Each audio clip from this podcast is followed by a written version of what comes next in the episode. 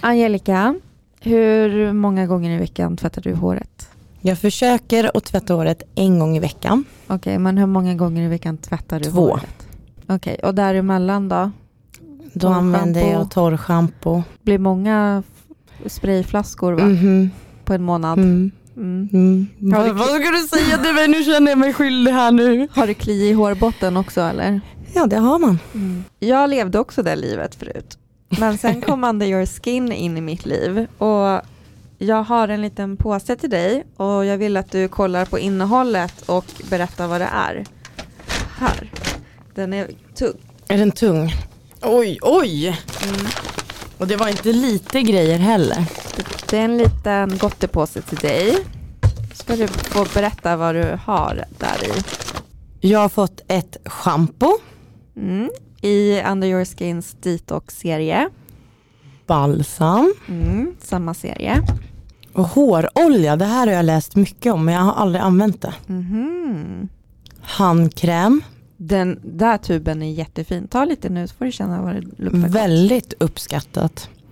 Och sen har jag fått en Intense Moisturizer Treatment. Mm. Och jag antar att det är för håret också. Det är det. Alltså jag tvättar med shampoo och balsam, deras detox-serie. Mellan shampoo och balsam så använder jag den där hårmasken. Har den i 15 minuter och då rakar jag kroppen och gud det tar tid. Och sen efter när jag har handdukstorkat håret så tar jag i två droppar hårolja. Och alltså mitt hår Angelica, alltså det är så, jag tvättar det en gång i veckan. Nej men alltså jag ser det. Och jag önskar att jag, ja men lite så här tjocklek, alltså det ser friskt ut. Ja, och jag har inte, nu har jag inte gjort någonting. Alltså det är helt sjukt. Underlivet görs i samarbete med Under Your Skin och det är ett svenskt hud och hårvårdsmärke med ekologiska, naturliga och veganska produkter. Och de har ju den här detox-serien då som vi har fått testa. Framförallt. Det är ett schampo och balsam som ger en hälsosam hårbotten och ett glänsande hår. För jag har alltid haft kliande hårbotten. Alltså massa sår som jag håller på att fortsätta klia upp. Och i början när jag använde det här så kliade det mycket mer. Trägen vinner. För så, alltså det är ju en ins eller det är inte en insättningsperiod, det är snarare en så här avgiftningsperiod från de här andra schampo och balsam och alla andra produkter man har i håret som retar hårbotten. Eh, det tar ungefär två till fyra, ibland sex veckor innan man får fullt resultat. Eh, och det betyder att på sikt så kan du köra fler och fler dagar mellan varje hårtvätt för håret håller sig rent och fräscht längre. Och vi har ju samarbetat med Under Your Skin förut och fått testa deras produkter. Och nu är jag jättetaggad på det här samarbetet som vi kommer ha framöver och få använda deras hårolja och mask också. Jag är skittaggad igen och den här handkrämen, jag som spritar händerna så mycket på jobbet. Mm. Du ser, kolla mina händer. Den luktar så gott också. Och det Gud, gör deras, nice. alltså det känns som att jag är på spa, när jag för det luktar spa i de här produkterna. Och det är väldigt fina flaskor också, så det är väldigt exklusiv känsla tycker det jag. är det. Och det ska man unna sig. Ja, och de innehåller liksom bra grejer. Så tack snälla Under Your Skin för det här samarbetet. Och med koden LIVET20 så har ni 20% rabatt på alla deras produkter.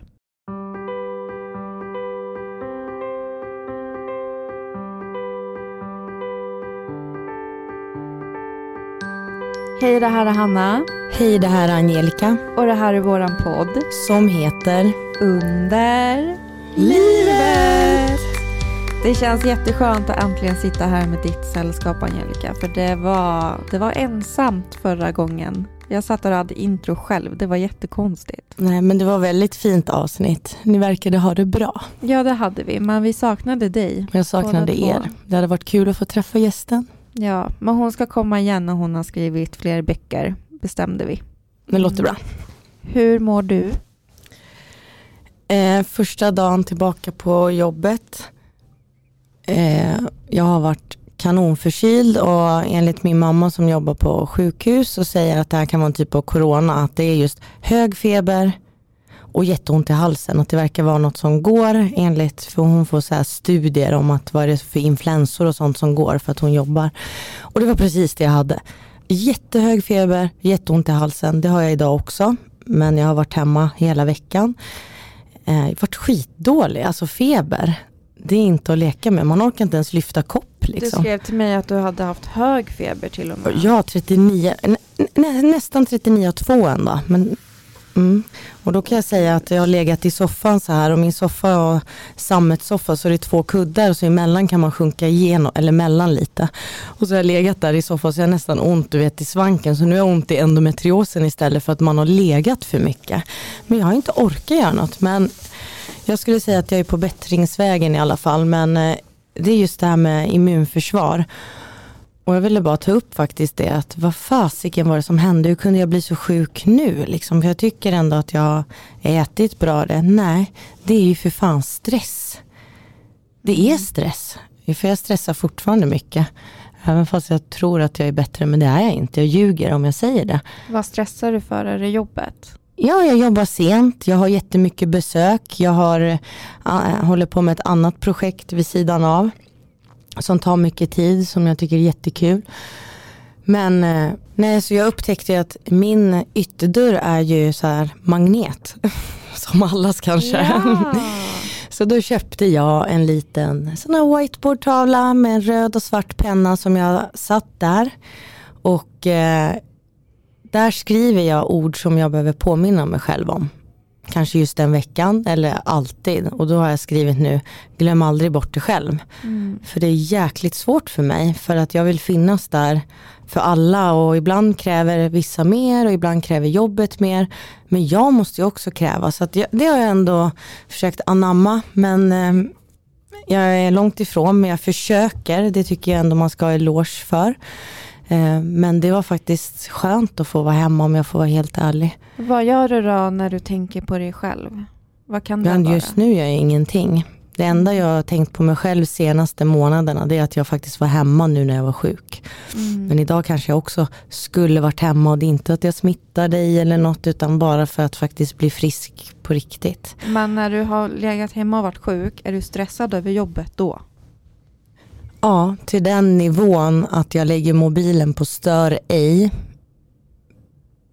För att mina kollegor hör av sig till mig ändå fast jag är sjuk. Och jag det säger det i podden nu. Och ni får lyssna om ni gör det. Men är man sjuk så är man sjuk. Men de hör av sig till mig och sen eh, lägger jag... Svarar du då? Nej. Ja. Ibland svarar jag. Men nu sista dagarna gjorde jag inte det. Men då för att inte stressa över jobb så har jag lagt mobilen på stör ej och jag har också haft jättemycket meddelanden av vänner och allt som jag ligger efter med som jag kallar det. Eh, och då menar jag inte bara tre dagar utan jag pratar veckor. Eh, vissa tar ju illa vid sig. Vissa förstår men då när jag lägger stör ej det är det som är så sjukt. Då är jag ändå där och tittar hela tiden om jag har fått och det är också en typ av stress. Mm. Att bara för att jag lägger stör i så kan jag fortfarande inte koppla bort det. Mm. Jag ligger ändå och kollar om jag har fått någonting och swipar ner som man gör det och ser oj nu har jag fått det här under tiden. Så jag läser ju dem ändå så mitt sätt med stör i funkar ju inte men jag vill ändå ha mobilen på ifall mina närmsta kontakter ringer och det har hänt någonting. Mm. Så jag tycker min telefon är det största stressmomentet i mitt liv just nu med notiser. Alltså det är fruktansvärt och det låter som att oj vad hon är upptagen. Men jag är väldigt upptagen. och men det är ju det här att alltid känna att man behöver vara tillgänglig Tack. som är en stress. Du såg, jag fastnade, jag bara, det var exakt det jag ville säga. Mm.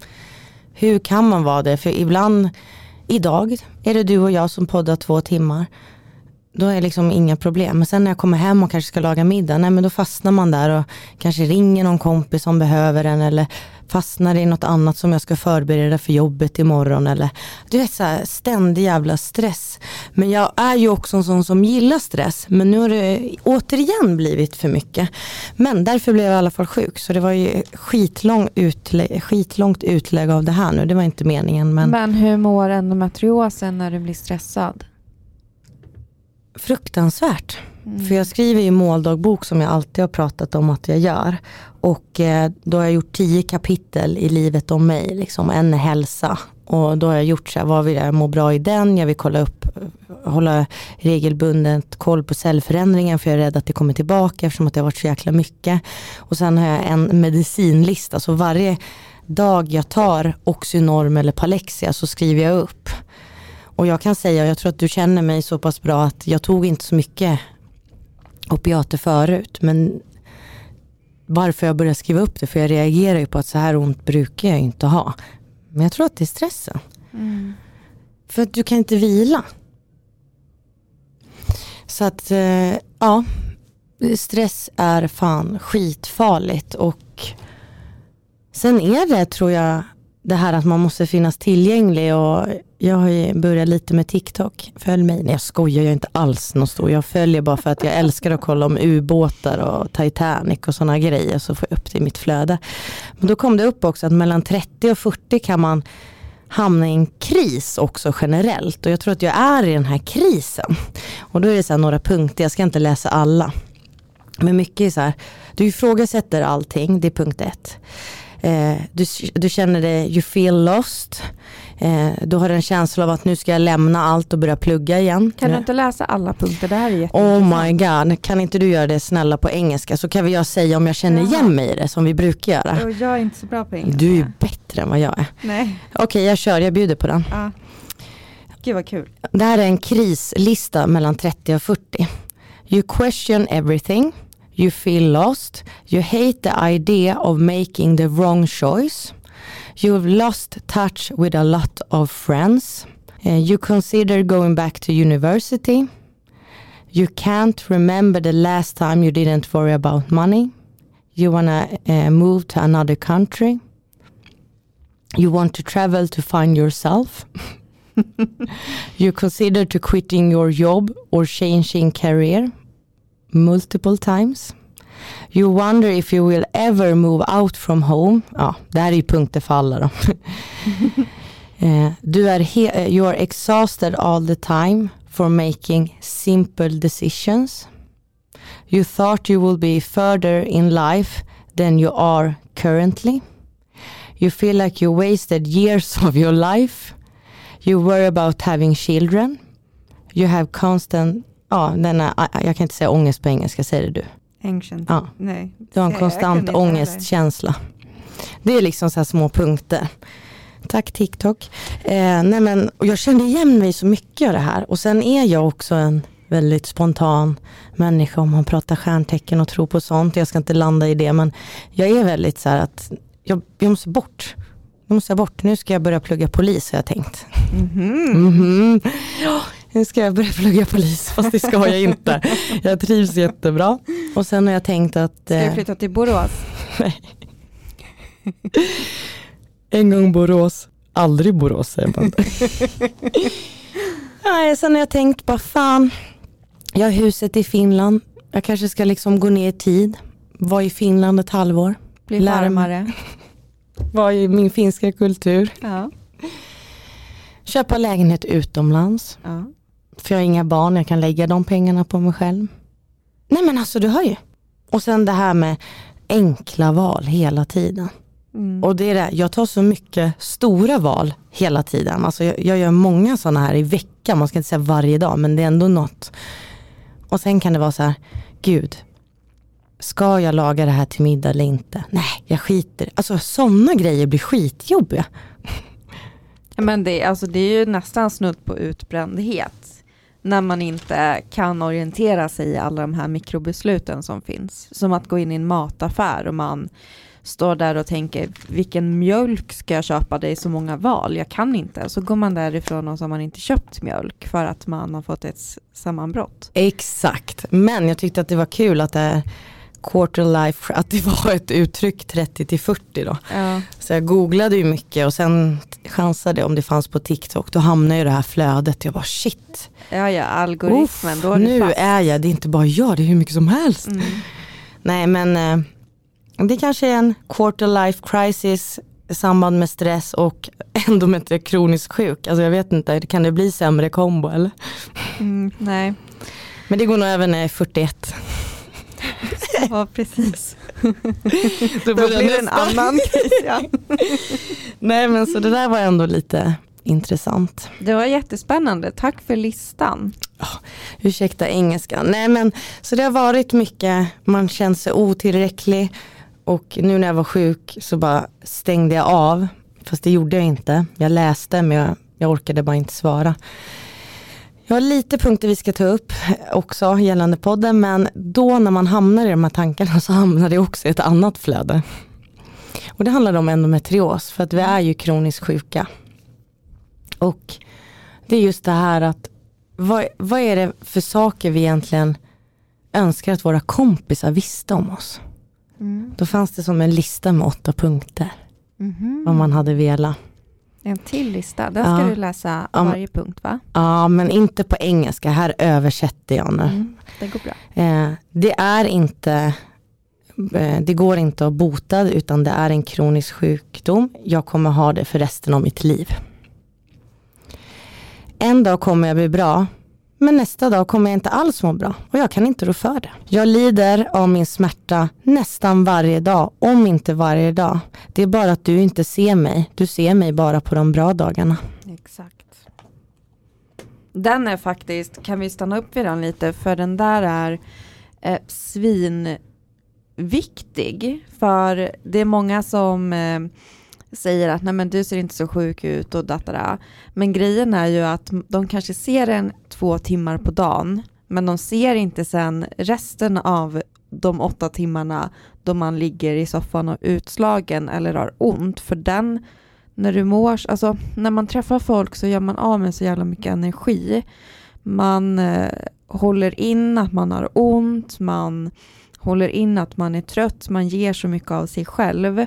Även om folk kanske tycker att man är långt under tillräckligt. Det tycker ju ingen för vi omringar oss av bra människor. Men folk kan ju säkert tänka varför pratar hon inte mer? Varför hänger hon inte mer i personalrummet när hon har lunchrast och så vidare. Och det är för att man gör alla de här små åtgärderna hela tiden för att orka med. Och jag tror inte folk förstår hur många gånger under en dag som man ja, man handskas med smärtan. Och sen när man kommer hem då är man helt slut för att man har skådespelat att man mår bra. Och då blir det något sätt så här dubbelbestraffning på något vis. Att man blir så jävla trött eh, och bara släpper ut allting.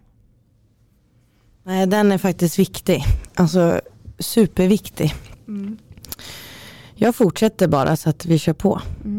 Eh, och sen står det It's a fully body disease och det står massa text men jag läste den här nu. Och det är det att vi ofta får, ja har du mensvärk det här? Det, alltså, det påverkar trötthet, psykes, alltså det påverkar, det är en helkroppssjukdom och det tycker jag att de omfattar väldigt bra. Jag kan inte läsa allt men jag tycker det är helkroppssjukdom ändå. Eh, och att det påverkar fertiliteten. Eh, och ibland inte står det ju, men att man måste ha det i åtanke och bara den stressen så måste kompisar tänka på hur man faktiskt uttrycker sig kring det här. Eh, och sen det här nästa, operation, det kommer bara lindra dina symptom. Eh, det kan komma tillbaka ännu värre eller ännu bättre, man vet inte. Så bara för någon har opererat sig så kan du inte säga nu blir du frisk. Det vill man vet, att kompisarna vet om. Och eh, sen den här sista punkten att jag är jättetacksam för din support men ibland orkar jag liksom inte deala med det här för jag gör det varje dag men jag är jättetacksam att man visar det, jag är tacksam. Men känner man att någon inte förstår så ha, vi måste få släppa löst det, att vi inte behöver prata om det också. Mm. Ja, vi är väldigt frikostiga med att prata om det i podden, men det betyder inte att vi alltid orkar prata om det. Eh, och att vi alltid orkar svara på folks frågor om det. Jag har noterat en grej med mig själv att när någon frågar om endometrios och så, att jag mer pratar om det ur ett ja, men så allmänt perspektiv, inte utifrån mig själv, för det blir på något vis för eh, skört. Kan du känna igen dig i det? Jättemycket, det var jätte, eh, intimt, skört, alltså det blir för nära. Jag, då berättar jag hellre en symptomlista. Nej men alltså Ja. så här är endometrios. Lite 1177. Exakt. Mm.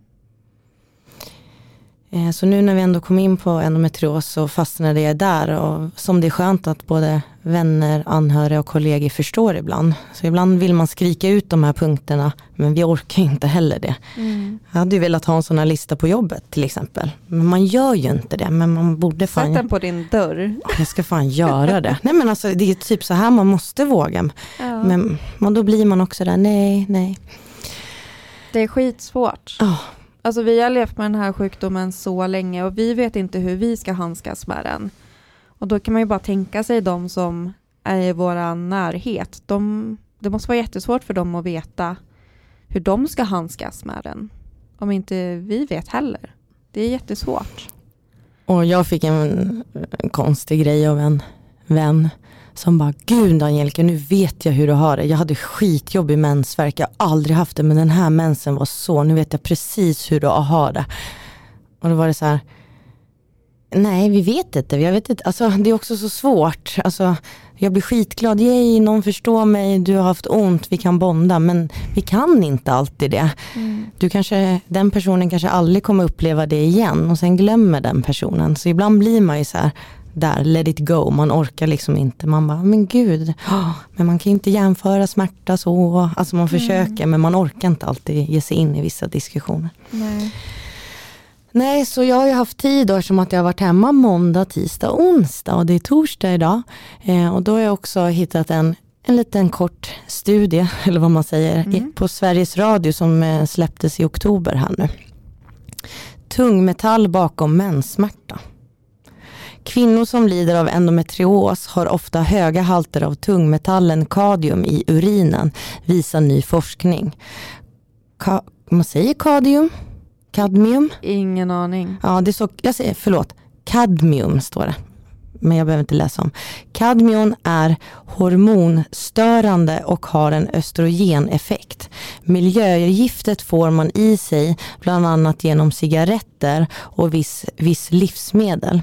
Man vet inte om det är just kadmium som utlöser endometrios. En teori är att den som har höga halter kadmium, säger jag, i, sin sanno, i sig sannolikt också har andra miljögifter i kroppen och att den har som en så, så kallad cocktaileffekt och det här kan påverka sjukdomen till det värre. Mhm. Det var bara, jag ville bara läsa det, just det här med viss livsmedel. Jag tycker den var lite luddig och den var väldigt kort. Jag hade ju i så fall velat veta mer. Det är ingen referens till var, vart den kom ifrån. Där. Ja, vad är det för studie? Hur många har varit med i studion? Hur stor är den? Ja och du ser, jag visar Hanna nu, det är inte mycket. Det Nej. är verkligen bara den. Och källa Sveriges Radio. Ja. Nej men alltså jag tycker bara, man, jag fastnade i det här när jag var sjuk. Jag blev så här, ja men nu ska, jag, nu ska jag leta studier, har det hänt något nytt? Och då kom den här upp. ja. Vad känner du då? Men vadå cigaretter och livsmedel? Alltså jag tycker, jag vill veta mer. Ja, jag tänker också att alltså, sjukdomen bryter ju ut i sån ung ålder så att jag, jag ställer mig högst tveksam till den där studion, studien, måste jag säga. Skitbra, det var det jag tänkte också. Men det är bra att det görs studier. Men, Såklart, ehm, men jag bara reagerat, vad fan. Ja. Vi har inte kommit längre som vi pratar om jämt, Ja. men jag försökte faktiskt leta upp något. Nej, så där har ni, jag har snöat in mig på mid 30 40 kris, stress, dåligt immunförsvar och endometrios. Eh, men idag har jag ont i halsen, men jag är på bättringsvägen. Du, Eh, hade en till, du hade två till grejer där. Ja, eh, jag tar det som faktiskt rör endometrios varför jag äter melatonin. Jag vill bara prata lite öppet med dig gällande melatonin. Eh, för vi har ju pratat om det innan, både utanför podden och att melatonin också kan ha en god effekt för muskelavslapp, alltså för musklerna och så. Ska vi berätta vad det är? Ja, du, ja men melatonin det är kroppens egna ämne som man tar, så det är ingen sömntablett. Så, Nej, det är en sömnhormon ja, tror jag. Att man, ja, man, har, man har ju i kroppen som du säger. Och det är den som gör att vi blir trötta på kvällen. Både du och jag tar melatonin. Jag har det utskrivet. Du köper det i Finland. Nej, jag har ju skrivit på Mm. allt. Och jag har tagit det i flera år. Och eh, jag märker stor skillnad på alltså smärtan under dagen. vet jag inte om det hjälper mot, men det känns som att jag kan sova lugnare. Det är som att man somnar av den, men jag sover djupare, så kroppen kan ju slappna av och därför så ligger man inte och spänner sig när man sover för att man har ont. Kroppen hamnar i djupsömn lättare. Om jag har förstått det rätt. Ja, men det är helt rätt. Och såklart snöade jag mig in på det här då, för att jag tycker inte mina melatonin hjälper längre. Mhm. Jag har både utskrivet, de här som är skitdyra som du har, Mm. och sen köper jag en ICA-kasse i Finland för det är receptfritt och de var 1,9 milligrams. Här får vi mer, vad har vi, fyra eller vad är det på dem? Ja, men jag tror jag en burk. Ja men det finns nog olika, Ja. men man får mer på recept. Och då snöade jag mig in på det här och då stod det att man kan se om man har melatoninbrist i ansiktet. Ni har ju, jag har ju fastnat i något träsk här nu. Och liksom så här med ögonvitan och allt. Och det stämde in på mig. För jag kan inte somna, men det kan ju vara när man har höga stressnivåer. Melatonin, alltså det hjälper inte. Men det jag vill säga är att jag känner av det för kroppen som du faktiskt tog upp, att dagen efter, jag, jag är mjukare i kroppen. Men jag sover inte längre bättre, så jag vet inte om det är min livsstil. Men det jag ville ställa frågan är, hur många tar du och hur många milligram? Och liksom berätta din känsla av melatonin. När tar du det på tid? Alltså vilken tid på kvällen? Jag behöver veta allt. Jag är nybörjare igen för inget hjälper nu. Jag kan inte sova då. Jag tar 10 totalt. Milligram. Ja. Ja. Det, jag tror att det är maxdosen. Den tar jag. Och jag tar det vid klockan sex typ. Egentligen ska man ju ta det när man går och lägger sig. Eh, för då, när man tar det då ska det liksom vara nersläckt sen. Men eh, för mig, jag har fått in den rutinen nu att jag tar det typ vid 6-7 och så blir jag trött och sen så går jag och lägger mig vid 9, 8-9. Jag går och lägger mig väldigt tidigt. Men då tar jag den för sent. Okej. Okej. Ja. Okej, jag har tappat det. Ja, men jag ville bara... Men Hur är dina rutiner då? Jag brukar ta vid 12-1. För det är då jag går och lägger mig. Tidigast på varje vardag. Prova att ta det tidigare. Jag ska fan göra det. Även... Och gå och lägg dig tidigare. Ja, om jag hinner. Nej men eh, dygnets timmar räcker inte till. Men ska, där hör jag redan nu, jag tar den för sent. Men jag tycker det är skitbra, men jag fastnar i det där att hur melatonin, alltså att, vi, att det är viktigt att få i sig just med endometrios och det här med muskelsmärta och sånt. Där känner jag en skillnad. Men jag vill ju också sova bra. Jag minns att jag känner igen mig som du, men då måste jag ha tagit det tidigare. Jag bara där, nu fick jag svar, nu har vi pratat öppet om det. Ja, nog om mig, men tack för ett bra samtal om endometrios. Jag har mycket frågor, du märker att jag har snöat in mig. Du hade en till grej du skulle Nu säga. jäklar Ja. hörni. hörni. Fan jag vill ha tutan. Du, du, du. Det som är nu är att vi kommer posta på Instagram, Underlivet podd heter vi där. Underlivet podd. Guldpodden är eh, tillgänglig igen så nu kan man gå in och rösta på sina favoritpoddar. Jag har själv faktiskt varit med för de la ut att man fick önska tilläggskategorier. Så jag la till lite mer och sökte eh, kvinnohälsa, lägg till kategorier kring det. Så jag, jag var med och önskade men den hamnade inte med. Men det kom en till kategori förutom utbildning och hälsa vi kan vara med i. Kommer inte ihåg den nu men jag vet att någonting, de har utökat sina eh, röstalternativ. Och man kan rösta på Underlivet podd fram till den 2 november. Och jag vet att det var skitmånga som verkligen röstade och vi vart jätteglada. Men alltså vi, är- nu jävlar. Jag känner att det hade varit så kul för att vi gör den här podden tillsammans men också med er. Fatta och bara få komma, alltså vi, vi var ju nominerade där. Men och bara, tänk om vi skulle vinna. Alltså jag ryser. Så att eh, det kommer vi posta, så snälla om ni orkar, gå in och rösta på oss. Mm. Vi skulle bli så glada. Eh, Dan, så nu vill jag veta hur du mår kompis. Ja, jag vet eh, inte riktigt vad jag har sagt i podden och inte, men jag fick ju missfall, missed abortion i augusti, fick göra en cytotech-behandling, en abortbehandling och saker och ting kom ut, det gick ganska bra. Sen efter tre veckor ska man ta graviditetstest för att se om det är positivt eller negativt, vilket jag gjorde. Jättepositiva test. Jag köpte ett sånt veckotest. Då stod det att jag var gravid i tre plus ve- tre veckor är det längsta som den kan liksom mätas och då får man ett gravid tre plus och det fick jag. Så då insåg jag ju att någonting är fel. Så jag bokade en tid på våran mottagning, träffade din läkare faktiskt. Hon var gullig.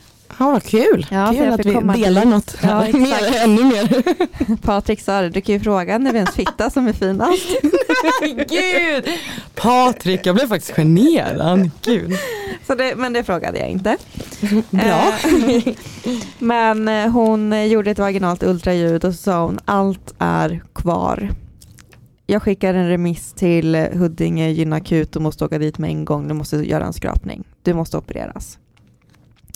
Och då ringde jag jobbet och sa jag kommer tyvärr inte till jobbet idag, jag är på väg till gynakuten. Och gynakuten på Huddinge, alltså det är mitt nya, min nya favoritgynakut. För så fort man får hjälp där alltså. Det är inga folk där, alla åker till SÖS.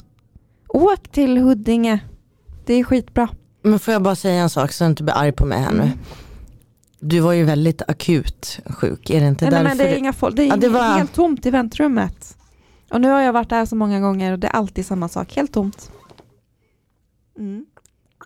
Och bra bemötande och Ja, men jag kan berätta vad en sa.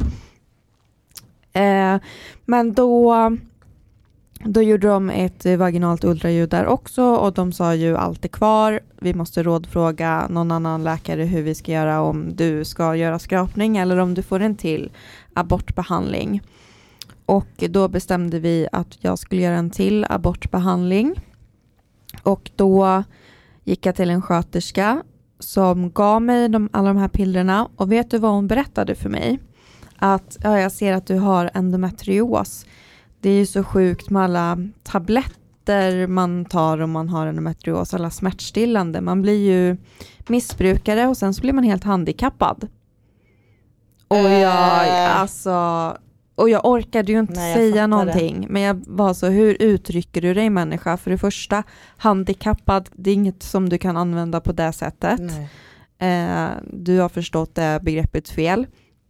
För det andra, jag har tagit starka smärtstillande i flera år. Jag är inte missbrukare. Jag är inte funktionsnedsatt av mina smärtstillande, tvärtom.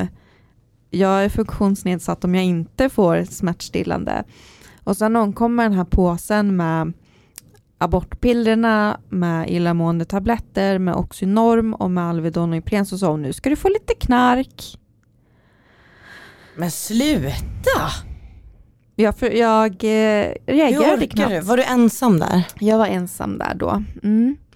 Men sen åkte jag ju hem, påbörjade den här aborten dagen efter och jag kan säga att eh, det kom ut, alltså herregud vad det kom ut, alltså det är ju som en miniförlossning. Jag har aldrig varit med om en förlossning men i mina ögon så var det där en miniförlossning.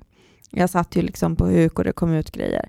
Men det värsta var att eh, när jag ställde mig upp, hade på mig en ny trosa, ny nattbinda, så bara fors, alltså det, jag blödde igenom det direkt. Fick ha handduk i soffan, låg ner, blödde igenom direkt. Eh, så jag blödde alldeles för mycket. Och Det är eh, jättefarligt, du borde ha åkt in då eller? Ja, men jag åkte in dagen efter för Patrik, eh, han tvingade med mig kan man säga och det Bra. är skitbra. För när vi kom in dit så visade det sig att eh, allt inte var ute, även om jag inte kan förstå hur det kan vara mer grejer, för herregud vad jag, alltså det kom ut så mycket. Och eh, sen så hade jag ju förlorat lite för mycket blod så att mitt blodvärde var väldigt lågt. Så att jag blev inlagd för observation. Så de kollade varje gång jag hade kissat så ville de kolla så jag fick kissa i en liten potta typ och eh, de skulle kolla i mina bindor. Gud vad det låter, vad konstigt. Det låter i taket här. Som, ja. eh, och eh, jag fick intravenöst dropp, jag fick intravenöst Alvedon, jag fick intravenöst järn. Men mina blodvärden gick ändå inte upp. Men jag blev utskriven och så skulle jag åka tillbaka efter en vecka och det gjorde jag och då var mitt blodvärde fortfarande lågt. Det hade inte gått upp någonting. och då blev jag sjukskriven. Så att nu har jag varit hemma en eh, vecka från jobbet med ordination att jag ska vila. För det här låga blodvärdet gör att jag har väldigt ont i huvudet.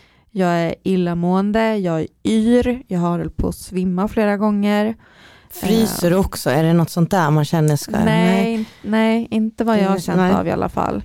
Men eh, mycket huvudvärk framför allt och väldigt trött och att jag är yr. Eh, så det är det. Och på det här återbesöket då så och då fick jag komma tillbaka till gynakuten för de hade inga tider på vanliga mottagningen. Men då såg de ju att det är rester kvar av graviditeten fortfarande efter tre cytotekbehandlingar. Eh, men det är så lite så att de gör ingenting åt det liksom. Så skulle jag få, nu ska jag ta nytt graviditetstest om tre veckor och skulle det vara positivt så ska jag vända mig, jag har fått en mottagning dit jag ska vända mig för då kan de göra en skrapning där. Men jag tror inte att det behövs för jag blöder fortfarande, det kommer ut grejer fortfarande och det är ju fortfarande väldigt ont. Så där är jag nu. Eh, vi ska avvakta med de här, jag ska inte bli gravid nu mer. Vi ska satsa på vårt bröllop och eh, jag ser så mycket fram emot det. Så det känns liksom, jag mår bra förutom att kroppen inte gör det. Och jag vill bara att det här ska vara överstökat så att jag kan börja sörja och gå vidare. För nu kan jag inte det för att jag är mitt uppe i det. Men en annan grej som har hänt är att vi har startat en missfallsutredning nu. Det får man när man har fått missfall tre gånger. Och eh, vi var på vårt första besök häromdagen, både jag och Patrik. Vi eh, båda genomgår den här utredningen. Så vi tar mm, blodprov och eh, det de gör är att de kollar livmodern och äggstockarna. De kollar efter kromosomavvikelser, om jag är benägen att få blodproppar och eh, köldkörteln och säkert mer. Så eh, det är vi inne i nu. Och jag hoppas att man hittar någonting som man kan åtgärda så att jag sen efter bröllopet när vi försöker igen att vi kan ha fått liksom åtgärdat det här då så att vi kan få ett barn som fortsätter leva. Åh oh, gud. Ja. Det var tungt. Så det är min historia. Du behöver inte reagera på Det jag tänkte var vad du sa. Mm. Jag mår bra, men tänkte du på det själv? Nej. Hur fan kan man må bra? Nej. Men på något sätt så är det ju, jag har ju gått igenom så mycket med de här tre missfallen och två av dem har ju gett komplikationer. Andra gången jag fick miss abortion då fick jag ju göra en skrapning mitt i natten för att det inte kom ut då heller det fastnade på vägen ut. Eh, och för det första så pratar man inte om missfall. Men för det andra så pratar man inte om eh, aborter eller om alla komplikationer som kan ske. För jag har aldrig hört talas om att man kan få en komplikation i samband med en abortbehandling. Och jag visste inte förrän du berättade för mig att det hette missed abortion. Alltså ja. jag, jag googlade till och med, för jag visste inte ens att Nej. det var ett uttryck. Alltså förstår du, jag var så här, gud vad Nej, är det här? Man vet ju så lite om det. Vad är det här? Liksom? Fastän så många upplever det. Och människor som säger att man använder abort som preventivmedel, alltså snälla rara, var med under en abort så ska ni få se. Det är ingenting man vill göra någonsin igen när man har gått igenom det. Det är det mest fruktansvärda. Fysiskt och psykiskt. Gud ja. Men eh, jag vet ju inte och andra kanske inte heller vet om man inte är där i livet. Där i livet, där det, det du berättar om nu, om man, många kanske inte har, har ens hört om det här. Hur går en sån här utredning till? Hur många besök? Är det, ses man var tredje månad? Vad händer nu? För nu ska ni ju vänta till bröllopet, men hur ofta har ni besök och är det mer alltså, tester? Jag vet inte heller så mycket om det. Men vi har varit på första besöket och nu Patrik tog blodprovet direkt. Jag trodde också att jag skulle kunna göra det, men jag måste tydligen till ett sjukhus och ta det För att mitt blod ska tydligen frysas ner till minus 70 efter provtagningstillfället. Så att jag Okej. måste till ett sjukhus, jag måste fixa det imorgon tänkte jag. Eh, och sen så tar det 8 till 10 veckor att få resultatet från blodprovet. Så då ska vi ses igen och därefter vet jag inte vad som kommer hända. Okej, nej men då är det ändå, nu är det åtta veckor, nej men jag tänker så, här, så att man har en plan, Mm. när ses man igen? Men vi kommer ju följa det här så att man vet hur det går till. Men jag Ja. tänkte om det var något så här att ja man kommer var tredje månad och testa sig hela tiden och Mm. ser om något förändras. Eller Mm. sådär. Nej, men jag ska berätta hur, hur min missfallsutredning, eh, ni, ska få, ni kommer få höra längs vägen. Hur mår underlivet efter allt som kommer ut? Alltså är det, gör det ont? Alltså att det klumpar? Alltså ja, jag, men alltså det är ju hinsäcken som fostret ligger i, i livmodern, var ju flera centimeter och den kom ju ut i ett stycke liksom.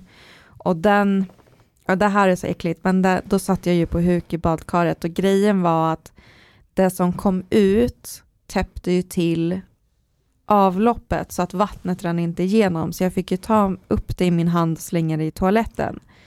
Och då satt jag ju där med hinsäcken i handen och den var ju som, alltså min handflata liksom, alltså den var stor.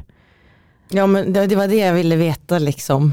Eh, Mm. Och det Att man ju- känns när det kommer ut eller om Ja, det bara det. rinner Nej, eller det, hur känns? Det, är väl, det känns. Det kommer ju i stycken.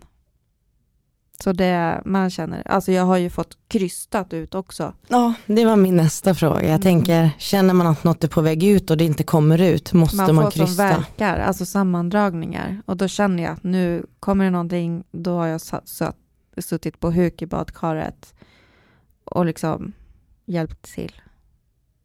Det är, alltså jag kan inte beskriva det annat Nej än en men jag tycker du beskriver det jättebra. Nej men det var faktiskt, när du sa miniförlossning så ville jag veta just där att är det något man känner att man måste krysta ut. Men nu Mm. fick jag ju svar på det för så att det inte bara när du, bara bara, jag menar inte så. Men när du sa att, liksom att du bara blödde, blödde, blödde så ville jag veta att var det i kombination med att man fick krysta ut också. grejer. Och då blödde det ännu mer när du gjorde det. Mm. Ja, usch. Mm. Nej, det var helt fruktansvärt. Så det är inte så konstigt att jag har så lågt blodvärde, för det kom ut så mycket. Som sagt, när jag ställde mig upp, då bara blödde jag igenom en nattbinda och en trosa på en sekund. Jag har aldrig varit med om så mycket blod. Men nu med lågt blodvärde, nu ska du vila, eller Mm. alltså det är ordinationen, vila. Mm. Du får ju tänka på, man, alltså gud, jag vill inte att du ska gå ut dig själv. Tänk om du svimmar på gatan eller något. Nej, men det tror jag inte att jag gör. Jo, du tror Jag, jag går inte. ju lugnt. jo men jag men jag- menar att, Jag kanske tar en taxi hem. men känner du att nu med tanke på när du frågade mig där, kan du koppla av allting nu faktiskt och fokusera på dig eller tänker du också på jobb eller tänker? Ja, gud ja. Mm. Alltså, och så är det ju när man är lärare, man måste ju skriva vikariehandledning och planera om lektioner, så man är ju inte hemma sjuk sjuk bara för att man är hemma sjuk sjuk. Alltså du måste ju ändå se till att förbereda för eh, dina lektioner som du ska ha. Men så då man- är du ju, jobbar du ju ändå. Ja, det blir så i det här yrket. Känner du en stress med det? Vad känner du? Vad är din Ja men stress? gud ja, sen är det alltid så här när man inte är där, då, um, då får ju inte eleverna det som man har sagt till dem och så vidare. Nu är det en vecka då nästan alla mina klasser skriver prov och då vill jag ju finnas där för dem.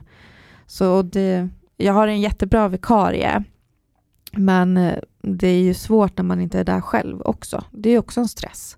Och sen alla mails och eh, uppgifter som jag kommer tillbaka till, de läggs ju på hög. Det är ingen annan som gör mitt arbete när jag inte är där. Men det är exakt det där jag pratade om lite om med mitt immunförsvar. Där. Att man känner det där. Så att kan vi verkligen koppla av av en sjukskrivning? Alltså, Mm. Du har ju ett sånt yrke där du också måste Alltså det, ja, det blir en obalans där, jag fastnar i stressgrejen igen. Mm. Men... men jag kan tycka någonstans att det är skönt också för att det har ju varit en plåga att bara vara hemma nu och vila. Jag kan inte mm. gå på långa promenader, jag ska liksom ligga ner, jag har lagt tusen bitars pussel, två stycken. Du med dina pussel, ja. alltså gud. Nej men jag har ju verkligen så här, Patrik kommer hem från jobbet snart. Det har liksom varit min höjdpunkt när han kommer hem från jobbet och vi jag får sällskap och han är bara trött, han vill inte att jag ska prata för han har pratat hela dagen och jag har inte pratat med någon på hela dagen Nej. så jag vill ju bara prata. Mundiarré. Ja. ja, så är det nu. Men du, våran tid rinner ut här. Men vi är tillbaka båda två nu. Det är vi och det är så himla härligt att ha dig här i studion. Det var väldigt tomt förra avsnittet måste jag säga. Ja, men jag har lyssnat och jag saknade dig. Mm.